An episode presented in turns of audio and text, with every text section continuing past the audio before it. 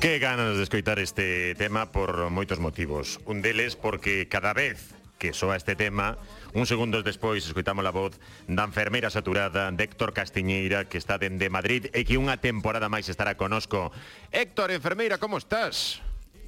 Moi bo día, Kiko, pois a verdade que tiña moitas ganas de, oh. de voltar, como dices, escoitar esa, esa sintonía. Veño con, con moitas ganas, estou así como como de, de primeiro día de curso Que bueno, estaba así, incluso un pouquiño nervioso. Mantés a mesma cara que de, de infantil. Debo rapaz. Bueno, casi, casi, casi, casi. Eu podo meterme co meu sobrinho que vai agora primeiro de primaria, métome con el, non, non se nota a diferencia. sí, sí, sí. Pode ser, pode quedar el na casa un día eh, dormindo e vas ti por el e non se nota nada. Claro, un día que el non lle apetece ir, digo, non te preocupes que vou eu sento malí, co, con meu actimel ali, non se nota nada. Como foi o verán, Héctor? Pois a verdade é que moi curto, moi curto, sí. pero pero ben, penso que ben aproveitado, polo menos puden ir á praia, pois foi foi un pouquiño máis normal que o verán pasado, que, que foi moi moi raro, pero bueno, dentro das limitacións que segue habendo, pero a verdade é que, bueno, podes disfrutar un pouquiño máis, podes quedar coa familia con outra un pouquiño máis con outra tranquilidade, ou estar todos vacinados, non? Eh, bueno, polo menos pois eh, aproveitar un pouquiño ese verán a praia, eh, aínda que o tempo non acompañou un oito, pero bueno, sí que había días polo medio que, que estaba ben. E, e logo pasoume este verán unha sí. cousa que teño que contar. Por favor, adiante, que pasou? é que descubrín... Paseado en feitos que... reais, adiante. Paseado en feitos reais totalmente. É que descubrín que baixar a praia cunha cadeira era outra cousa. Eso Anda, era outra cousa. Ese é o momento no que te faz maior, eh?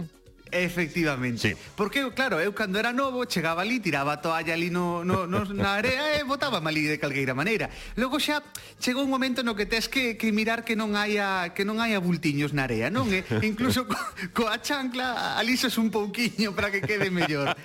Para que, para que non moleste. Hai a golpes Pero logo xa, aí. Claro, chega un día no que baixas unha cadeira á praia e xa, xa non hai volta atrás ese eh, momento no que te faz maior, eh? Cando ves que tes sí, un, sí. un prazer mayúsculo cando cando pola cadeira mm, estomballaste aí e eh, bota la tarde, eh, aí sí que podemos dicir que xa deixamos a adolescencia e entramos e, e podemos dicir que xa somos un señor maior. Totalmente. E agora xa miro con outro con outros ollos a xente que leva cadeira, porque xa miro que hai moitos modelos desto despois tamén, eh? é todo de todo un mundo. Entonces empezas a ver a verdadeiros profesionais da praia que levan unhas cadeiras que bueno, aquelo, madre, madre mía. Oi, ti que estiveches aí entre Madrid e Lugo, eu mm, coñecín bastantes persoas que viñeron de visita a Galicia, algúns porque son parentes, outro porque son amigos e tal, que me dicían que, que vamos, dicíame, sorprendidísimos, pero aquí está todo o mundo con máscara. E eu, pois, pois sí, e ainda así hai críticas, porque ás veces ves alguén con máscara, ou sen máscara e tal, e non, non, é que onde vivo eu, aí non leva máscara ninguén pola rúa, non ves con é máscara ninguén. Certo. Sí, sí, é, é que é así, é que é así. Eu non sei que pasa aquí en Madrid, pero a xente parece que lle queima a máscara na cara.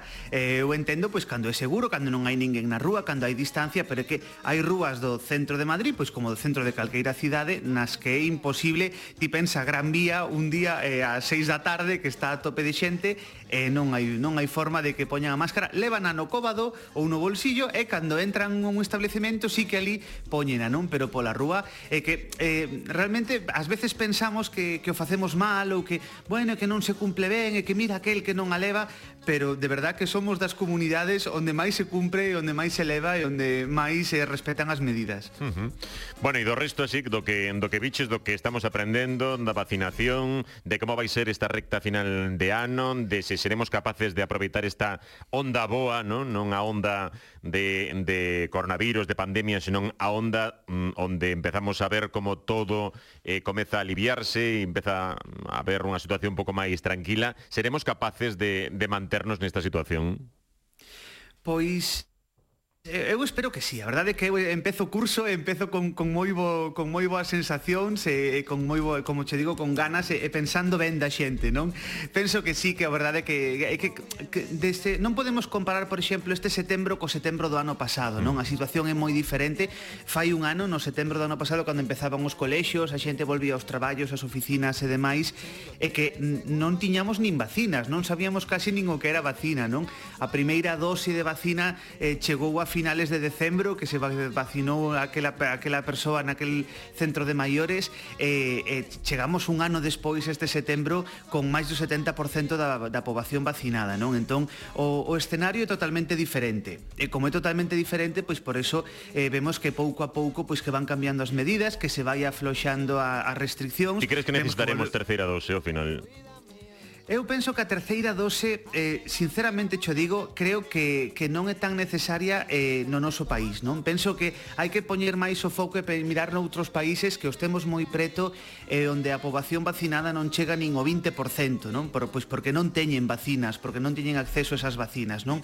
Entón, antes de eu poñerme 3, 4, 5 ou 7 doses, penso que é mellor poñer eu dúas e compartir as que teño con outros países para que as, ali tamén se podan poñer as dúas doses, porque senón de pouco nos vai servir, non? O virus eh, non, non mutará no, no noso país, non habrá novas versións do virus no noso país porque estamos todos moi ben vacinados, pero si sí a saberá no país de enfrente e terminará chegándonos a nós, non?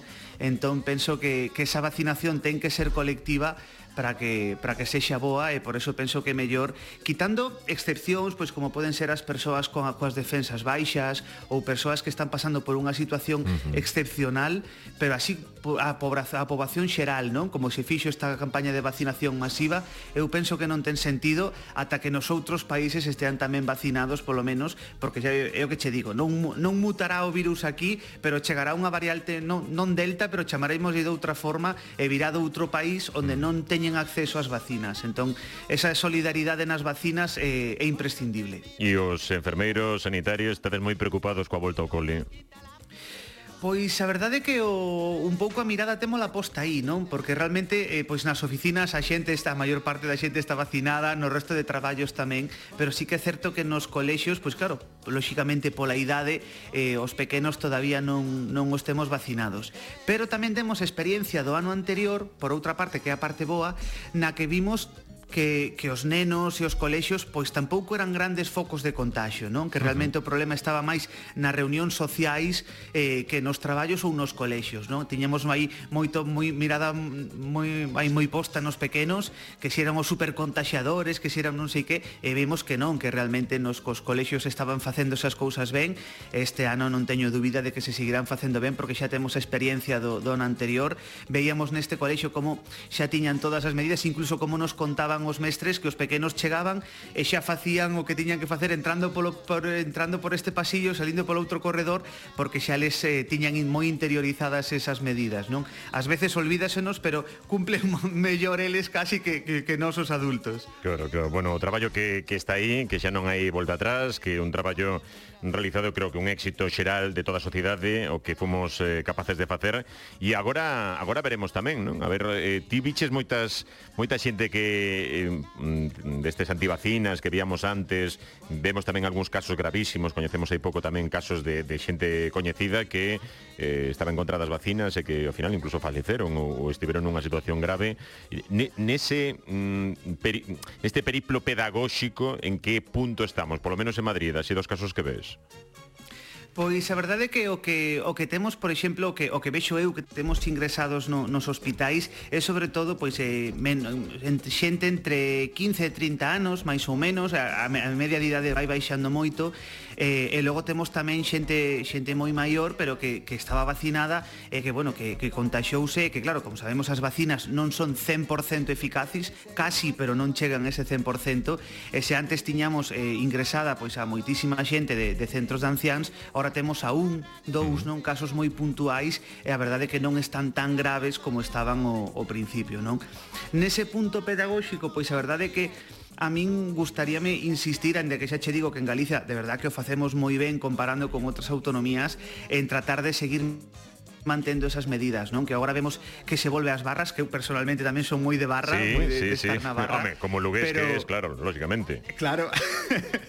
pero pero aínda que esteamos na barra e aínda que quedemos cos amigos, eh, hai que seguir con certas precaucións, non? Vemos que pouco a pouco se vai abrindo a man, que xa vemos, vamos saindo desas restriccións, dese, desa época escura, pero que porque hai que sair con precaución para que todos eh, para que saigamos, para que saíamos ben, non? E non nos enfrentemos a unha nova onda. Así que como digo, temos esa pequena preocupación dos colexios, a ver que vai pasar, a ver se, se o volver eh, os colexios eh, a cousa sigue ben, ou polo menos como ano pasado e non empeora, pero hai que pensar tamén que temos xa moito adolescente xa vacinado tamén, entón penso que os institutos non serán tanto problema, senón que, bueno, os, os poucos, espero que os poucos, espero non equivocarme, espero que os poucos contaxios que, que vexamos eh, a partir de agora, que sexan sobre todo nos colexios por esa falta de, de vacinación. En as redes sociais como nos comportamos, moito trolerío.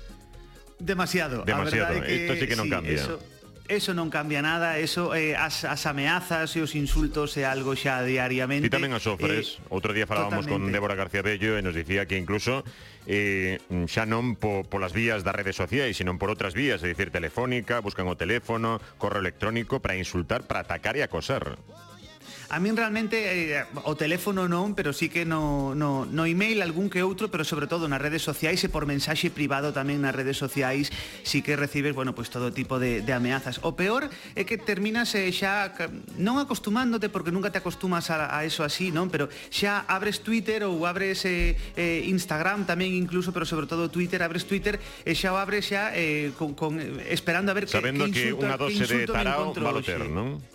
Sí, sí, esa. Afortunadamente, despois hai moi boa xente, faise moi bo traballo tamén nas redes sociais de divulgación, e hai xe moi xente que merece moito a pena, non? Eu teño coñecido moita xente aí a través das redes que merece moito a pena, pero sí que polo outro lado están pois esas esas persoas eh, que, mm. bueno, eh, adícanse a eso, eh, eh, estropean o que podería ser unha boa red social, pero ao final sí que terminas xa hartándote moitas veces, dice, bueno, non entro, non abro Twitter porque me vou enfadar, entonces xa non entro. Que privilexio terte unha temporada temporada máis, Héctor. O, o privilexio é meu, moitísimas grazas como sempre por, por contar con